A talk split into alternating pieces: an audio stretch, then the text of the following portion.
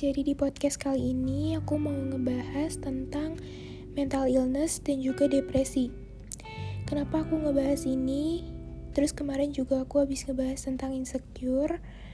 Karena menurut aku ya, semenjak adanya kuarantin ini, kita kan jadi kesibukannya berkurang gitu ya. Misalnya kayak kalau misalnya sekolah nih, kan kita baru bisa main itu setelah pulang sekolah kan ya kalau aku sih kayak gitu. Aku baru bisa main HP ya pastinya setelah pulang sekolah dan pulang sekolah tuh biasanya jam 3 sore. Jadi ya waktunya kan lebih sedikit. Belum lagi nanti ngerjain PR terus ngerjain PR kan malam. Habis itu langsung tidur kan. Ya paling begadang-begadang dikit lah. Tapi kan waktunya tuh nggak sebanyak pas kuarantin ini. Di kuarantin ini walaupun udah dikasih tugas juga ya tetap aja kan waktu mainnya tuh pasti lebih banyak gitu. Karena tugas juga itu tuh paling cuma sampai jam 12 siang. Habis itu udah kan kalian free mau ngapain aja. Dan pas ngerjain tugas itu juga kalian sambil main HP sambil megang HP jadi nggak se serumit kalau misalnya kalian belajar di sekolah langsung gitu deh.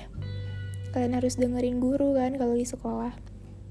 Dan juga uh, semenjak kuarantin ini tuh jadi banyak teman-teman aku yang kayak dulunya tuh sering main keluar rumah tapi sekarang karena uh, orang tuanya protektif jadi dia nggak boleh main keluar rumah. Terus dia juga jadi bosen kan di rumah gitu gak ngapa-ngapain. Uh, cuma kerjanya main HP doang terus nonton film gitu-gitu doang kan juga bosen kan. Jadi dia ngerasa kayak stres gitu lama-lama. Ya aku juga kayak gitu sih. Aku ngerasain kayak stres uh, gak boleh main keluar terus jadi semua semua tuh dibatasin gitu loh. Nah tapi aku nggak sampai depresi sih alhamdulillahnya ya. Oke jadi pertama aku tuh mau ngebahas tentang mental illness. Jadi mental illness itu bukan tentang siapa atau kenapa dia tuh bisa punya mental illness. Tapi tentang bagaimana cara kalian memperlakukan seseorang. Seberapa menyakitkan kata-kata yang kalian berikan, baik itu tentang sikap, sifat, atau bahkan fisiknya. Menjadikan kesalahan seseorang sebagai senjata untuk menjatuhkan mentalnya. Dia tuh juga manusia dan gak bakal pernah sempurna.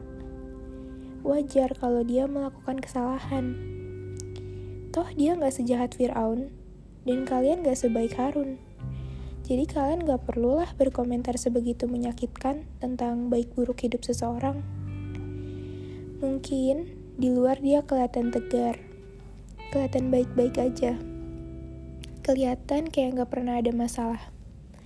Tapi di dalam, siapa yang tahu kalau dia nangis sendirian, dia depresi atau bahkan tertekan.